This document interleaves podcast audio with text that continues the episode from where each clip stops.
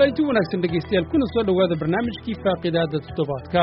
Talaadadii toddobaadkan dowladda soomaaliya ayaa dalkeeda ka erday nicholas haysam oo ergeyga gaarka ee xogeeyaha guud ee qaramada midoobay ee arrimaha soomaaliya. Dowladda ayaa go'aankeeda sal uga dhigtay in master haysam uu ku xadgudbay qarannimada soomaaliya go'aanka dowladda ayaa yimid kadib markii ergeygu soomaaliya u qoray. Warqad ay ku qoran yihiin su'aalo la xidhiidha in jawaab laga bixiyo dhacdooyin ka dhacay magaalada baydhabo. Maalmihii doorashada maamulka koonfur galbeed ee soomaaliya halkaasoo rabshado dhacay ay keeneen in dhowr iyo toban qof ay dhintaan dhinaca kale khamiistii shalay ayaa ergeyga gaarkae xogeeyaha guud ee qaramada midoobay ee arrimaha soomaaliya nicholas haysam uu golaha ammaanka uga warbixiyey xaaladda amni dhaqaale iyo siyaasadeed ee soomaaliya. Kulan hore u sii qorshaysnaa oo kii ergeyga gaarka ee markaas soomaaliya jooga uu muddo kadibba golaha warbixin ka siiyo ayaa mister haysam aanu marnaba soo hadal qaadin wixii dhacay barnaamijka faaqidaadda ee toddobaadkanna waxaan kaga hadlaynaa dhacdadaasi. Waxaa barnaamijkaygala qayb gelaya doctor maxamuud maxamed culus oo horay wasiir uga soo noqday xukuumaddii kacaanka ee soomaaliya. Marna soo ahaa guddoomiyihii bangiga dhexe. Waxaa isna barnaamijkaygala qayb gelaya jenaraal cabdulqaadir sheekh cali diini oo wasiir ka soo noqday wasaaradda gaashaandhigga ee soomaaliya. Marna ahaa taliyihii hore ee ciidanka xoogga dalka soomaaliya barnaamijka waxaa isna ka mid a cusmaan muxiyidiin macalin guddoomiyaha cusub ee dalladda jilayaashaan dawliga ahayn ee soomaaliya ee loo soo gaabiyo sonsa. Doctor maxamuud maxamed culusow ayaan uga horreyn weydiiyey waxyaabihii nicholas haysam uu warbixintiisa khamiistii kaga hadlay.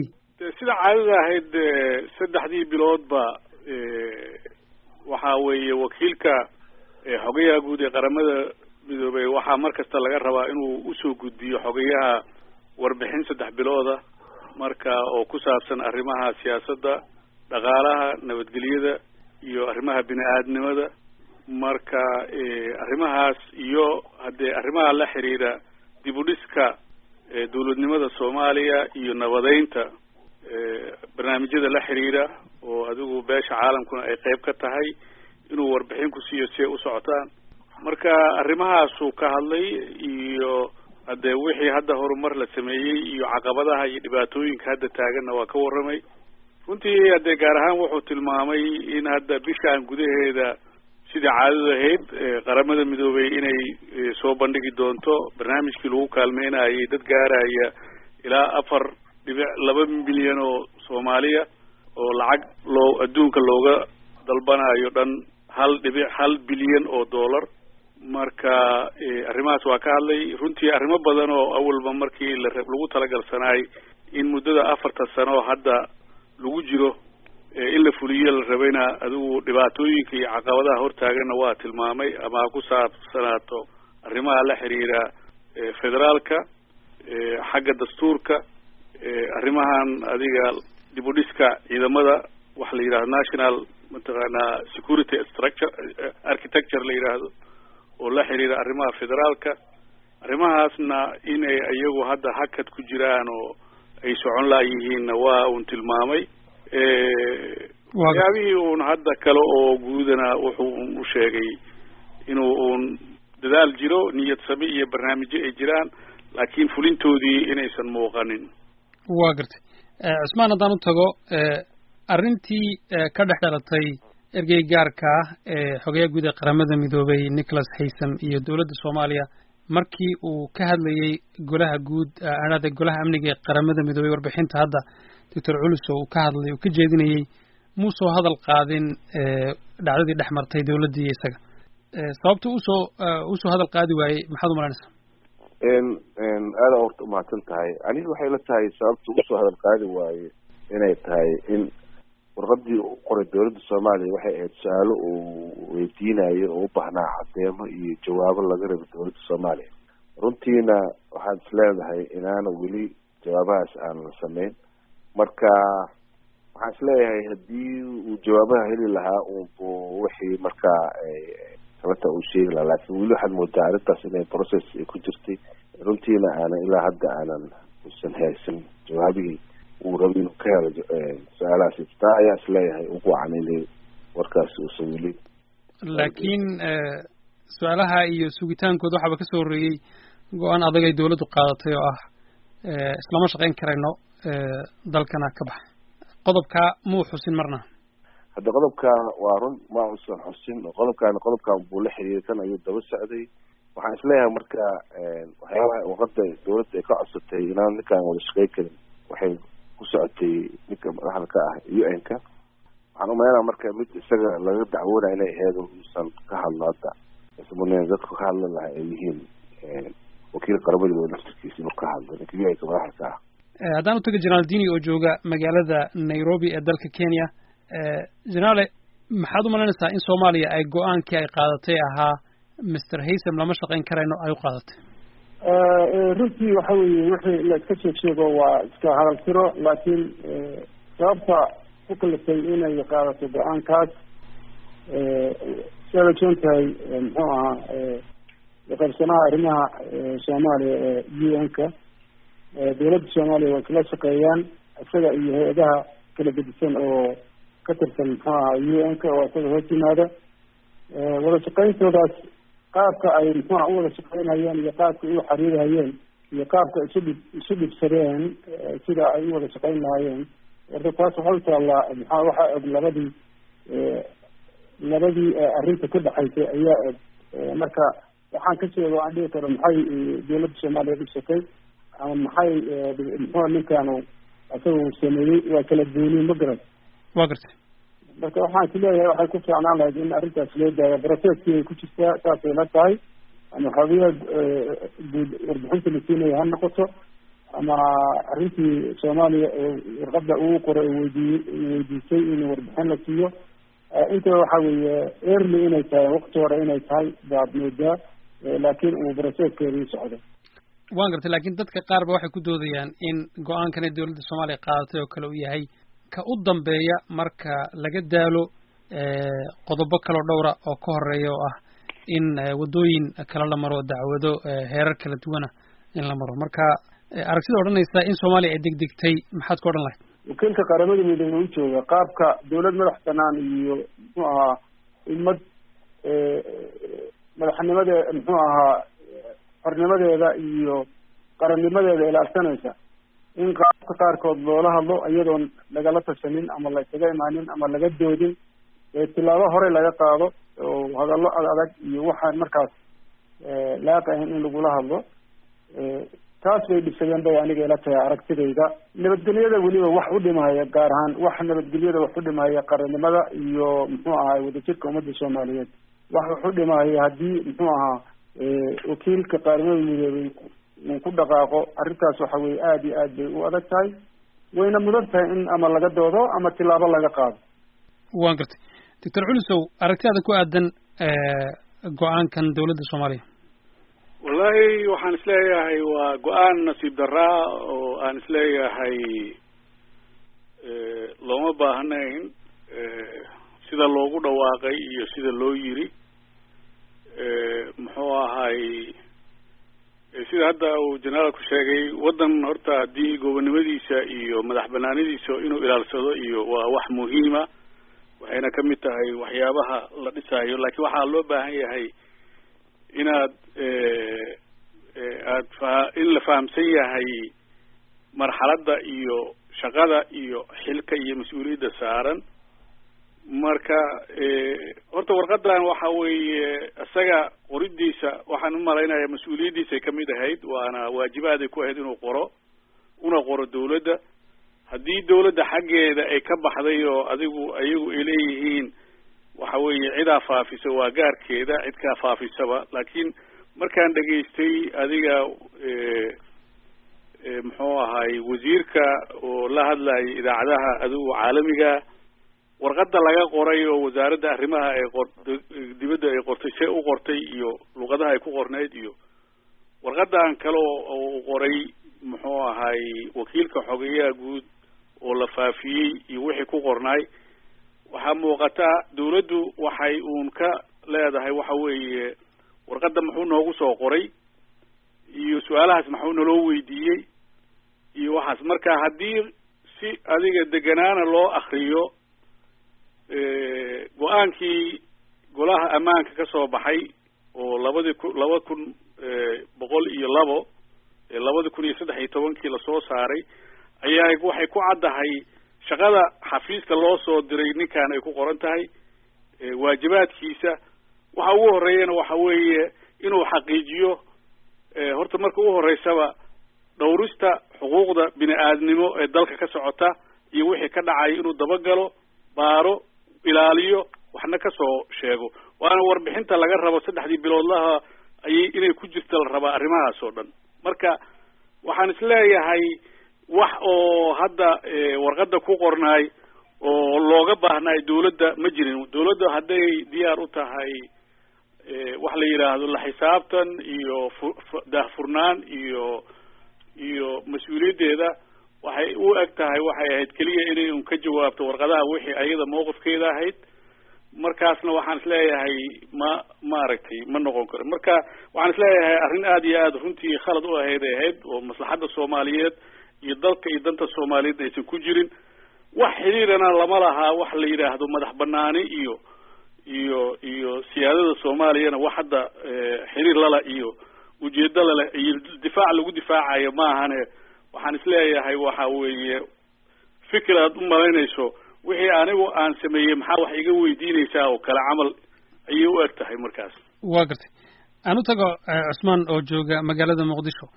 Si faahfaahsan baan uga sii hadli doonaa khilaafka dawladda iyo ergeyga gaarka ee xogeeyaha guud ee qaramada midoobay. Hase yeeshee arrintan oo kale ma aragtay oo ma u soo joogtay in ergey gaara iyo dawlad ka mid a dawladihii soomaaliya ka soo taliyay ama tan ahaata ama kuwii ahaadaan in ismaandhaaf u dhex maro oo arrintoodu ay gaadho meel saro sidan oo kalea runtii maaha markii ugu horeysay oo ay dhacdo arrintan balse qaabka hadda ay u dhacday qaabay hore u dhacday maaha dawladihii hore u soo maray dalka cabasho ay ka muujinayaan ergeyga gaarka ah qaabka ula shaqeynayaan ama qaabka wadanka ugu shaqeynayo way jirtay xilligii cali maxamed geed prime ministerka ahaa.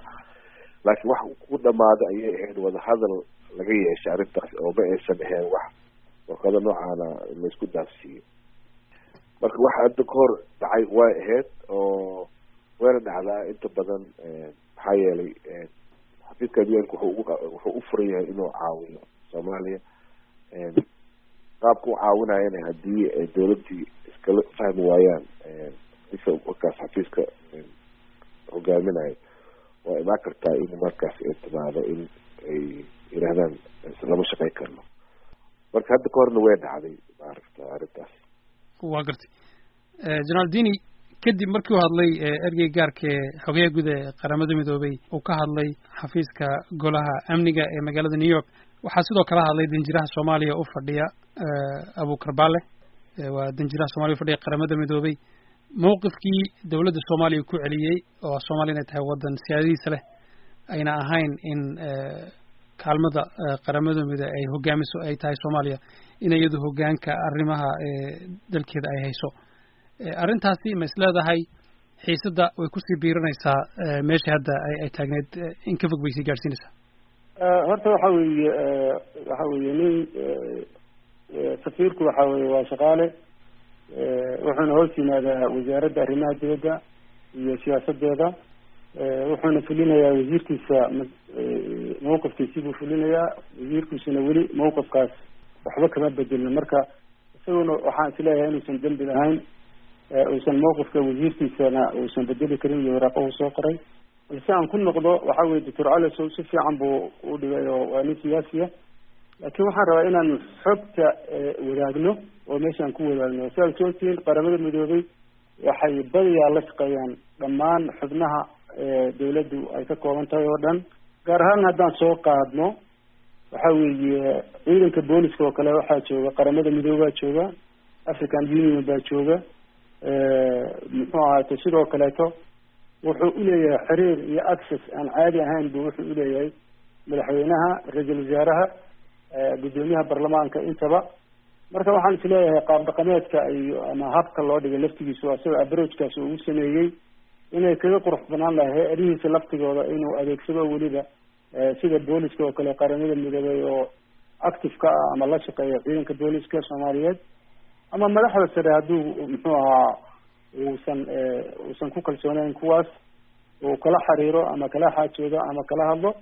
Waxaad moodaa inay tahay in in wasiirka arrimaha gudaha iyo waxaas inuu ka kaga fiicnaan lahayd inuu kaga kala xiriiro ama ra'iisul wasaare ama madaxweyne ama guddoomiyaha baarlamaanka marka si kastaba ha noqotee waxa weeye waa imaaneysa markii shaqo lagu jiro in shaqada qaabka loo hogaaminayo ama ama xag siyaasadeed ha noqoto ama xag dhaqaale ha noqoto in la isaga hor yimaado waa dha waa dhacaysa. Laakiin waxay ku fiican tahay mar kastaba in si wanaagsan oo ay ku jirto muxuu ahaa mas'uulinimo ay ku jirto in arrimahaas looga wada hadlo. Laakiin haddii dhinac uu yidhahdo anigu waxaasaan samayn karaa anigu waxaasaan samayn karaa ma ahan mid aada iyo aad miro dhal o ah ma ahan. Waxaa ka haboon in la wada shaqeeyo lana xaliyo mithaal waxa weeye annaka dhibaatooyin badan ayaa wadanka ka jira wadanka dagaalna waa ku jira waxaa kaloo ku jira nabadgelyo aan meelo badan ka jirin oo u baahan muxuu ahaa dib u heshiisiin reconciliation u baahan u baahan mataqaanaa xalinta khilaafaadka u baahan waxyaalo badan oo arrimo badan oo saas oo dalka haystaa jira. Ama inay ka qayb qaadato ama u n ku ha ka qayb qaato ama sooma dawladda soomaalida ha xalisee arrimahaas dib u heshiisiinta iyo khilaafaadka xalintiisana waxay moodaa in labada dhinacba ay ka gaabiyeen runtii marka isku soo duub waxa weeye xafiiska u n-ka access badan buu leeyahay. Ma ahayn inay muxuu ahaa ay abuuranto conflict inay abuuranto iyadoo la heli karo jidad badan oo kaleeto oo weliba ay fursad uhaysto fursad uu haysto wakiilka qaramada midoobey waan gartay. Doctor culusow sidaa uu jenaraal dini sheegay ma jirtay wadiiqo kale oo ergey gaarkii uu mari kari lahaa. Waxaad xustay in dowladda soomaliya ku degdegtay go'aankeeda ku saabsan wada shaqaynta isaga iyo dowladda federaal ka dhexaysa isla arrintaas isagu ma maray hanaan keeni kara in khilaaf kan oo kale ay dhasho oo ma jiray wadiiqo kale oo mari kari lahaa oo arrintana lagu xallin kari lahaa isfahamkuna uu sidan ka wanaagsanaan lahaa horta khilaaf isagu ma abuurine khilaafka waxaa abuuray dawladda soomaaliyeeda abuurtay oo isagu warqad caadiya oo wixii dhacay iyo wixii su'aalo loo baahnaa inay dawladdu ka hadasho ayuu u qoray mas'uuliyiintii rasmiga ka ahay. Waxyaabaha u baahan in laisla fahmaa waxaa ka mid a marka warqada loo qoro wasiirka muxuu ahay nabadgelyada ama amniga gudaha iyo wasiirka difaaca dastuurka waxaa ku qoran wasiirada ka mas'uula hay'adahooda iyo waxa hoos yimaada waxa ka dhaca. Waa protocol weye isaga markuu reportkaas hadhow uu warkaas qoraayo oo uu qoraayo qaramada midoobay waa inuu haystaa wax rasmiya oo qoran oo aan af soomaali aan af soomaali lagu hadlaayo waa laiska hadlay iyo hebela saas yiri maahan waa inuu documentation haystaa oo uu refer garayn karaayo isaguna inuu weydiiyey iyaguna ay ka soo jawaabeen. Intaasna waxay gelayaan fileka oo xafiiskiisa iyo fileka oo u n ka. Annaga caado waxaan ka dhigana waxa weeye anaa halkaas ku iri waana dhammaatay. Ma ahan systemku kuma shaqayn karaayo. Marka isaguna ma ma ma samayn karaayo sidaas. Marka isagu wixii uu qorana wax dhibaato ah oo ku jira ma jirin. Waxa uun ku filneed dawladdu inay inta meel fadhiisato ay soo jawaabto ayna og tahay ayna fahamsan tahay processka u n ka ku shaqeeya waxa uu yahay. Waxyaabaha qaarkood waa laga wada hadlaa marka u horeysa laakiin wuxuu markay gaaraan in dad iyo dhinteen nin arrimihiisa u baahan in laiska weydiinayo su'aal laiska weydiinayo in laga jawaabo xuquuq qof muwaadina lagu tuntay haddii jawaab laga bixinayo waxaas oo dhan waa inay noqdaan wax documentida oo oo oo oo fileka ku jira marka haddii ciddii loo qorayo ama wasaaradda amniga ama wasaaradda gaashaandhigu ayagu warqadaha ay banaanka soo bixiyeen oo dawladduna ay leedahay waana la ceebeeyey oo maaragtay waxbaa nala weydiiyey ama wax aan samaynay ayaa nala ku qabsaday oo nala ku helay. Ayadaa hadda mas'uuliyadda iskale laakiin laakiinse isaguna ma samayn. Caadiyan waa laga wada hadlaa sida uu generaalku sheegayo mararka qaarkood arrimaha qaarkood arrimo badanaa jira. Maalin walbaba laga wada hadlaa. Laakiinse hay'adaha dawladdu waxay ku shaqeeyaan qoraal al rabaa. Dawladda soomaaliyeedna dastuurku wuxuu ku waajibinayaa wax kasta ay samaynayso inay si qoraala ay ku samaysaa. Marka intaasaa laga rabaa markaas. Waan gartay waayahay dhegeystayaasha xusuusiya inay dhegeysanayaan barnaamijkii faaqidaada toddobaadka oo ay maanta marti ku yihiin generaal diini oo ku sugan magaalada nairobi ee dalka kenya. Cismaan muxiidiin madaxa ururada bulshada rayidka ee soomaaliyeed oo ku sugan muqdisho iyo doctor maxamuud culusow oo ku sugan gobolka michigan ee dalka maraykanka. Haddaan u tago cismaan oo muqdisho jooga arrintan khasaare dhinaca diblomaasiyadda ah amaba wada shaqaynta u n tala lahayd ma u keeni karaysaa soomaaliya?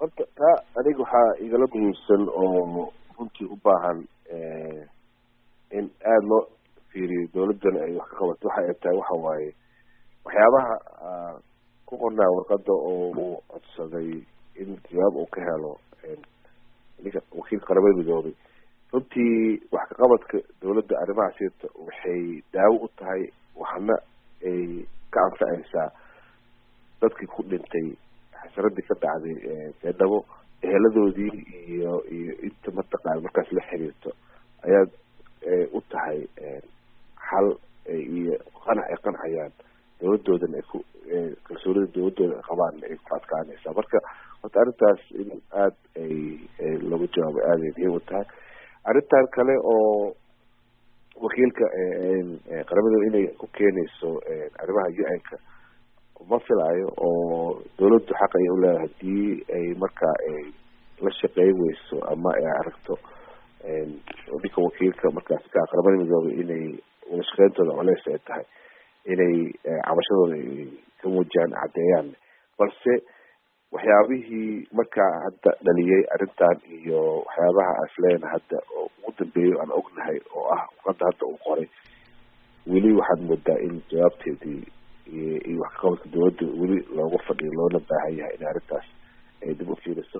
Annaga urada bulshada rayidka jeerada aan aan ka helay arrintaas kulli baaqaan ka soo saarnay inay muhiim tahay in tacdiyada lidda ku ah qofka xuquuqda bani-aadamka ama wadanka soomaaliyeed in dawladda dib u fiirso oo wax ay ka qabato waana waajibaadka dawladda saar inay wax ka qabato marka waxaan is leeyahay xafiiskii kolley sidiisa ayuu ahaanaya cidda cabashada laga muujiyo waa adinka wakiilka balse waxyaabihii markaas aan is leenahay hadda oo u dambeeyay warqadaas ku qornaa inay tahay muhiim waxaa suurtagal ah cabashada dawladda inay ku qoseyso waxyaabo ka horreeya inay jiri karaan oo marka ay ka dhibsadeen ninkaan balse xafiiska waa sidiisii waxaana rajeyneynaa kolley in uu waajibaadka xafiiskaas u furnaa uu sidiisii ahaa doono. Wa gartay keliya ay u baahan tahay in maaragta arrimahaas laakiin ay muhiim tahay. Maaha mid loogu jawaabayo wakiilka keliya laakiin ay tahay dadka ay dhinteen ay u baahan yihiin in jawaabtaas ay helaan wan gartay waa arrin dabcan dadka soomaalida udhexaysa hase yeeshee haddaan dini oo jooga nairobi waan ognahay in dawladda soomaaliya qeyb ka mid a taageeradeeda hadday noqoto dhinaca dhaqaalaha iyo dhinaca difaacaba ay ka timaado dhinaca dibadda qaramada midoobey iyo dalal kale reer galbeedka. Isma ismaandhaafkani wax dhib ma u keenaya habsiman socodkii howlaha dawladda soomaaliya wax kasta oo mataqaana markii dad wada shaqeynaya ama u n ka ha noqoto ama dawladda soomaaliyeed dhexdeeda ha noqote markii wax muran yimaado ama ismaandhaaf yimaado dhib waa ka dhalan karaa ama dhib way keeni kartaa. Waxaana ka fiican in arrintaas si wada jira loo wajaho mid waa midaas oo mar kastaba dhib waa iska imaan karaa. Midda aan rabo waxa weeye inaan ku noqdo waxa weeye horta meeshaan waxa weye mas'uuliyadda ama warqada ha noqoto ama murankaas dhashay ha noqoto iskhilaafkaas ha noqdee nabadgelyada iyo qarannimada iyo jiritaanka ummadda soomaaliyeed waxbuu keeni kartaa waxyaabahaas ismaandhaafka ah. Waxaan leeyahay arrimahaas ismaandhaafka wax badan bay u keeni kartaa gaar ahaan xagga nabadgelyada. Oo u baahan in xasilooni iyo dejin lagu wajaho arrimaha soomaaliya ka taagan oo muxuu ahaa uu ka ad ogtiin nabadgelyadu aada iyo aada ugu muhiim tahay sidoo kaleeto dawladda soomaaliyeed waxa weeye mas'uul ayadaa ka ah shacabkeeda iyo waxeeda ammaankooda ayagaa mas'uul ka ah. Waa uu la taageeri karaa gacanna waa la siin karaa mas'uuliyadda laakiin waxay saaran tahay ummadda soomaaliyeed guud ahaan gaar ahaan xukuumadda soomaaliyeed ama leadershipka markaa jirta ayay saaran tahay mas'uuliyaddeeda oo inay wixii xaqdarro ku dhintay wixii xaqdarradaas geystayna muxuu ahaa la marsiyo sharciga noo dhigan sharci baan leenahay waddanka sharciga dastuur baa jira oo sharciga la waafajiyo wixii khalad sameeyey. Wixii kale oo ku saabsanna in laga ilaaliyo in tacaddi uu ka dhaco ama uu ku dhaco qof muwaadin oo soomaaliya. Sidii hadaato muxuu aha doctor cali sow soo xigtay. Doctor waxaan isleenahay doctor culisow aan sheegaya raalahow laakiin waxaan leeyahay oo runtii aada iyo aad u muhiima ummadda soomaaliyeed ama u n ha noqoto ama qof kale haatee si wada jira haddayna dalkooda iyo dadkooda udhisan ammaankoodana u ilaashan waxa weye aniga waxaan ka fiirinayaa dhinaca ammaanka. Dhinaca ammaanka waxa weeye maanta waxay u baahan tahay degenaansho iyo xasilooni in arrin walbaba lagu wajo lagu wajo ama soomaali dhexdeeda ha noqoto ama hay'adaha ummadda soomaaliyeed caawiya oo gacanta siiya oo aada iyo aad baan ugu mahad celinayna ummadda soomaalina abaallaawo ma ahan. Laakiin waxaa meesha yaalla war dariiqu muxuu ahaa uqaybsanaha arrimaha soomaaliya ee u n ka ma ku habboonaa dariiqaas inuu maro mase dariiq kalaa dariiq kalaa ku habboona waa runtiisa doctor calisow laakiin culisow laakiin waxa weeye waa runtiisa in wasaaradda iyo amnigu ay mas'uul ka yihiin waxyaabahaas oo dhan ama gaashaandhig ha noqoto ama ha noqoto amniga ha noqoto ama wasaaradaha kala guud ahaan ha noqotee.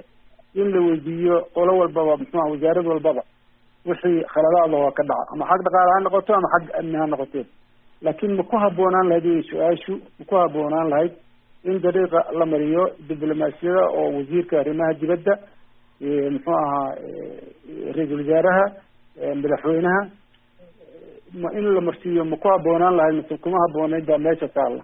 Haddii la leeyahay warqadaasu meeshii la doonaa uu diri karaa u n ku ama qof kasta oo meel xaafiis jooga weydiin karaan waxa weeye hadeed waa wax waxa u dhigan diblomaasiyiinta inay qaabka u dhaqmaan gaar ahaan u n ka ma garan karo runtii. Su'aashaas waxaa ka jawaabaya wasaaraha wasaaradda arrimaha dibadda wayna ka jawaabtaan u malaynaya haddii aysan ahayn hadeed muxuu ahaa dawladaha jooga oo safaaradahooda joogaana nin walbaba wuxuu wasiirku warqad u qori doonaa taliyaalku warqad u qori doonaa meeshuu doona u qori doonaa marka waxaan is leeyahay arrinta warqadda iyo wixii lamida rag badan oo khibradlana waa jiraan ma ku habboonayd mase maya su'aashaas waxa weye in laga jawaabo. Maxayse u dhimi kartaa? Khilaafkaas nabadgelyada xaggeeda waxbuu u dhimi karaa arrintaa ayada ah. Soomaalidana waa inay ka foojignaataa mas'uuliyaddana wadankana waxa weeye qofkii dulmi lagu sameeyo oo muwaadin ah kii dulmiga laga sameeyena in sharciga la marsiiyo weeye kii dulmiga lagu sameeyena xuquuqda uu leeyahay in loo gudo weye waan gartay waad mahadsan tahay generaal dini. Doctor culus haddaan u tago madaxda u n ta amaba u n ta guud ahaan maxaa u furan hadda? Inta aanan ka jawaabin su'aasha ah maxaa u furan? Wax yar aan rabay inaan ku sii daro arrintii hadda generaalku ka dhawaajiyey. Waxa weeye horta markii warqadan la qoraayey waxaa ka horreysay warqad uu qoreen saddexda safiir oo ah ingiriiska muxuu ahaay e u da dalalka dhan oo e u da isku jira ah iyo jermalka oo ay ku joojinayeen mucaawanada ay siin jireen ciidamada booliiska gaar ahaan dowlad goboleedka koonfur galbeed. Marka ayna hadda sugayaan jawaab ah midda labaad xafiiskan hadda aan ka hadlayno ma ahan xafiis sida safaaradoo kale ma ahan.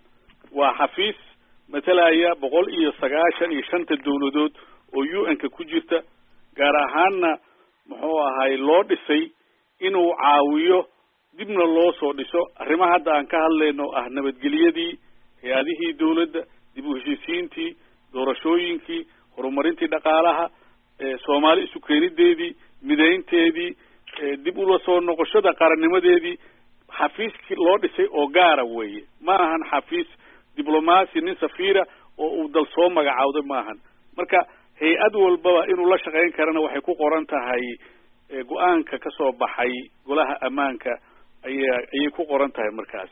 Marka waxyaabaha hadda dhacayna waxa weeye labadii sano oo hadda ugu dambeysana in sanad walbaba ay hoos u soo dhacayso mucaawanadii muxuu ahay la siinayay dalka sababto ay tahay ama ha ahaato ha lagu daalo dalka dhan sidiisa inaysan waxa ka soo baxaya iyo lacagta la gelinayo aysan isu dhigmin amaba ha ahaato in shaqadii la raba in la qabto maalin walba aan la qabanaynin oo ay dib u dhacayso ama ay jiitamayso. Marka muxuu ahay soomaalida inaysan ka muuqanin dadaal ah inay waxa xaaladda ay ku sugan yihiin inay dhaqso uga baxaan dad aysan u muuqan ay tahay oo lagu dacweynayo maalin walbaba corruption musuq maasuq iyo wax lamida markaas oo kale. Marka xafiiskaanu ma ahan xafiis oo safaaradeed ma ahan xafiis magaciisi ma ahan waa xafiis loogu talagalay beesha caalamka inuu coordineed gareeyo kaalmada la siinayo soomaaliya inuu u xiriiriyo xagga hadda bini aadnimo ha noqoto xagga dhaqaale ha noqoto iyo hay'ado kastaba ha noqote markaas.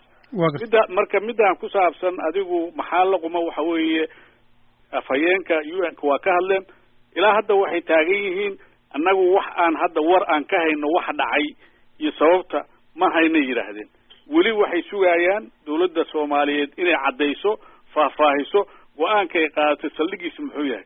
Faragelintu waa hadal kelmad oo ah iska vega weye markii soomaaliya hadda dhibaatada ka taagan waxa weeye warar fiican ama kelmado fiican muwaadinnimada xor mataqaana madax banaanida xorriyadda waxaas waa kelmado wanaagsan wey laakiin haddii si xun loo isticmaalo war kastaba wuxuu noqonayaa waa macno beelaya hadda xaaladda aan maraynana saas weeye marka waxaa laga rabaa waxa weeye fargelinta ay dawladdu ay sheegayso iyo waxa uu jee sheegayo inay qoraan markaas kabacdi baa waxaa la marsiin doonaa in marka buugagii la qoray iyo resolutionadii la qoray lala lala barbar dhigi doono waxa ay soo qoreen iyo waxa ay waxa horey loogu sheegay.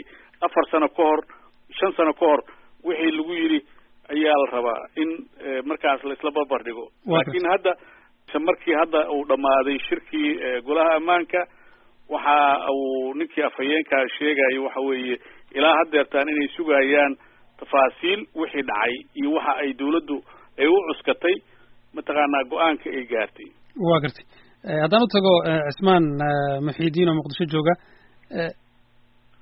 arrintan ismaandhaafkan hadda ka soo dhex dhashay xafiiska qaramada midoobay ee soomaaliya iyo dawladda soomaaliya dabcan wuxuu isku xir weyn u samayn jiray dadaalada amniga kuwa dhaqaale iyo kuwa siyaasadeed ee soomaaliya ay qaramada ku taageerto. Hakad ma ku imanayaa taasina dib ma u dhigi karaysaa horumarkii ay soomaaliya ka sameyneysay dhinacyadan imika tibaaxay. Kolley waxay ila tahay xafiiskan qaramada midoobe markii soomaaliya laga furayay heshiis dhexmaray dowladda soomaaliya qaramada midoobe ayaa lagu furay waxyaabaha uu qabanayo ama uu ka shaqeynayena waxyaabo heshiiskaas ku cad ayay ahaayeen. Marka waxay ila tahay markii inaan kala saarno horta khilaafka wada shaqeynta soo kala dhexgalay wakiilka qaramada midoobey iyo dowladda iyo xafiiska qaramada midoobey ee u dhisan inuu taageero dib u dhiska soomaaliya.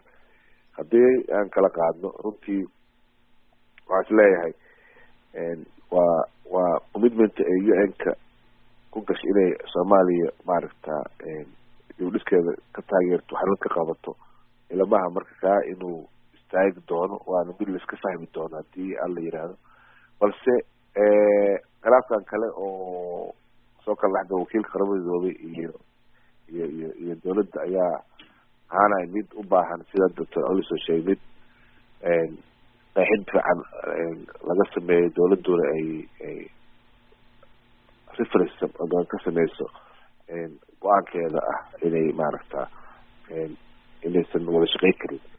Iyadoo xaq u leh laakiin haddana ay u baahan tahay in caddeyn badan laga sameeyo. Xafiiskan waxaan kolley ujeedadii loo furay uu ku sii taagnaa doonaa oo wax laga maaha arrintan keliya ay saameyn ku yeelan karto.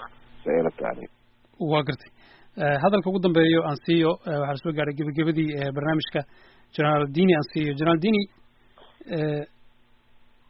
intaan weydiiyey cismaan oo ah in wada shaqeyn aan ku celiy halkaas. In ismaandhaafka soo kala dhex galay xafiiska qaramada midoobey ugu yaraan wakiilka xafiiska qaramada midoobey iyo dowladda soomaaliya uu hakin ku keeni karayo taageeradii qaramada midoobey dhinacyada amniga dhaqaalaha iyo siyaasadda dhammaanteen waxaan ka wada hadalaynaa maxaa maxaa ummadda soomaaliyeed maxaa maslaxad u ah maxay ku keeni kartaa dhib muxuuha warqadii loo qoray ama qaybsamaha arrimaha soomaaliya ee u n-ka runtii anigu siyaasad kama hadlaayo oo xag siyaasadeed hadda kama hadlaayo laakiin waxaan ku soo koobayaa oo aan rabaa inaan ku gaabsado maxay saameyn kartaa arrimaha nabadgelyada arrimaha nabadgelyada khilaafkan muxuu ku keeni karaa horeyna waa u sheegay arrimaha nabadgelyada waxay ku keeni karaa dhibaato ku keeni karaa khilaafka wuu ku keeni karaa laakiin waxaan leenahay waxaa ku habboon dawladda soomaalida iyo u n ka labadaba inay arrinta dejiyaan u n kuna uu muxuu ahayto wuxuu halkan utoogaa ama maandeed uha uhaystaa ummadda soomaaliyeed inuu caawiyo dawladda soomaaliyadna waxay ka mid tahay xubin u n ka ka tirsan weeye xaqna u leh in la caawiyo gacan lagu siiyo sida dawlado kastaba dawlado kaleba loogu caawiyo hore loogu caawiyey gacanna u n kugu siiyey. Tana sidoo kaleeto ayay xaq ugu leedahay ummadda soomaaliyeed iyo dawladda soomaaliyeedba in ay xuquuqdaas oo kale helaan oo u n ka ka helaan maadaama ay ka yihiin xubin muhiima ay ka yihiin. Marka waxaan leeyahay arrintan waxaan ku talin lahayn oo tala ahaan ku soo jeedin lahayn anakoonan siyaasadeynin in la dejiyo oo la xaliyo khilaafaadka wixii dhexdeeda wixii lagana fogaado wax kasta oo ammaanka wax u dhimahaya iyo meesha hadda ay marayso ummadda soomaaliyeed oo aada moodid inay soo kabanayso. Laakiin u baahan dadaal badan iyo hawl badan iyo wadajir u baahan. Waan gartay hadalka u dambeeya doctor maxamed culus waa runtii haddee maantana waa la sheegay golaha ammaanka in howlihii adigu nabadgelyada iyo siyaasadaba iyo doorashooyinkiiba ay cakiran yihiin. Ilaa muddadii ay bilaabatay khilaafka u dhexeeyey muxuu ahaay dowlad goboleedyada iyo dowladda federaalka. Howlo kaloo fara badanna ilaa hadda inay xaniban yihiin. Tanuna waxay sii uun cakiraysaa dhibkii jiray ayay sii badinaysaa waayo xafiiska iyo qofka madaxda ka ahba waxa weeye kulligood waxaa u madax ah secretary generaalka intoosaasna waxaa mas'uul u wada yihiin golaha ammaanka. Marka haddii qofkii ayagu ay soo magacaabeen oo ku ogaayeen inuu mandatekii iyo shaqadii ay u soo direen inuu fuliyo haddee maalin walba la leeyahay lagalama shaqayn karaayo hadda ka hor saas oo kale michael keatina adigu ma saas oo kale markii ugu dambeysu baxayay ayaa isagana dhaliil noocaas oo kalea loo jeediyey kuwo kalea hadda ka hor saas oo kale ayagana loogu jeediyey. Marka haddee ninka mas'uulkaa wuxuu dareemayaa dadkii uu shaqada u diray uu aaminay miyaa ah dad xuna mase haddii dadkii uu diray baa wixii loo qabanayey iyo dadaalkii loo qabanayey fahmila oo ayagu dana kale iyo ujeedooyin kala wata. Marka runtii waa waxaa loo baahan yahay sidii hadda generaalku uu sheegana maslaxadda dalku waxay ku jirtaa in ficilada noocaas oo kaleana aan lagu degdegin. Haddii wax ay jiraanna maanta soomaali baa baahi badan qabta. Soomaaliya waxay ka mid tahay dalalka hadda burbursan. Xafiiskaana waxaa loogu talagalay dalalka ama colaaduhu kaay ka taagan yihiin amase burbursan oo dib loo dhisaayo ma ahan dal kastaba ma aha kama furna dhaqaalaha iyo lacagta loo geliyana dal dalalka kale laguma bixiyo. Specialka halkan ugu yaraan laba bilyan oo dollar baa sanad walbaba gasha hadda soomaaliya. Magac si kastaba toos iyo dadbanaanba ha aatee. Intaasna waxa uu la rabaa waxa weeye ama wixii xagga gaajada ah humanitarianka ama dawladda miisaaniyadda. Wasaaradda dhan waxa weeye boqol iyo siddeetan milyan keliya oo dollar oo canshuur laga qaado. Magaalada xamara hadda dawladdaasu haysaa inta kaleo dalkaasu lacag gashaa waxay ka timaadaa beesha caalamka. Marka runtii waxyaabahaas in la siiyo mudnaanta maanta waxay u baahan tahay soomaaliya inay dib u dhisanto. Marka in halkaas la saaro ee aan mataqaanaa maaragtay muxuu ahay qallaase iyo fidno maalin walbaba shaqadii curyaaminaysa iskana jiitamaysa oo aan waxba laga qabanaynin in laga in laiska dhaafa aaday u ficnaan leh. Danta maslaxadaana ku jirta dalka soomaaliyeed